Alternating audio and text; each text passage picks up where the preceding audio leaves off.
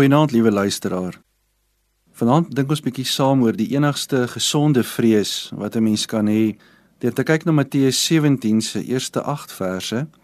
Dit gaan oor die gedeelte oor die verheerliking op die berg waar die binnekring Petrus en sy mededisippels dan saam met Jesus op die berg is en die verheerliking ervaar van Jesus. Sy Palestynse tydgenote het hard probeer om Jesus te etiketeer en hom in hulle eie mensgemaakte kassies te sit. Ons probeer ook baie maal om God te verpak soos dit ons pas. Petrus hulle moes ook probeer het om dit te doen hier op die berg. Hoe kan ons anders die volgende klim uit die boks ekspedisie waarop Jesus vir Petrus, Jakobus en Johannes geneem het verduidelik toe Jesus op die berg verheerlik is? In 'n oogwink was Petrus hulle soos muskiete in 'n arend se skaduwee.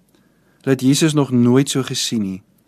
Hulle het hom gesien in aksie op die water waar hy loop, selfs met 'n klein bietjie padkos vir 'n hongerskare en hoe hy mense uit die dood opwek maar Jesus in die helder blink voorkoms van 'n hemelwese. Wanneer laas het jy hierdie vrees beleef? Die vrees vir God. Daardie vars verstaan van Christus wat jou knieë laat bewe het en die lig uit jou longe geslaan het. As jy lanklaas vrees vir die Here beleef het, verduidelik dit vir jou nogal hoekom jy so baie ander vrese in jou lewe saamdra. As bewondering vir Christus uitkring, verklein die vrese van die lewe. 'n almagtige God lei ons tot dapperheid.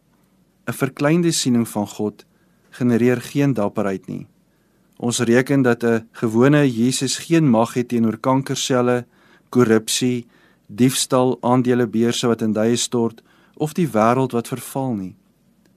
'n Verpakbare, draagbare Jesus kan dalk in ons beursies pas of op 'n rak, maar niks doen aan jou vrese nie. Dit moet wees waarom Jesus se disippels opgevat het in die berg. Jesus het die kassies gesien waarin hulle hom verpak het. 'n Kassie grootte weergawe van God kan eenvoudig nie werk nie.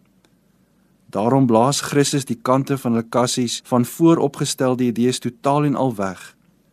Mag Jesus ook jou en my kante van ons kassies waarin ons hom wil inforceer ook opblaas met sy almag het jy en ek nie ook nodig om die Jesus wat van gedaante verander het, daar op die berg te sien nie en net so weer respek te kry vir hom, 'n gesonde vrees vir hom wat almagtig is, vir hom wat in beheer is van ook jou en my lewe.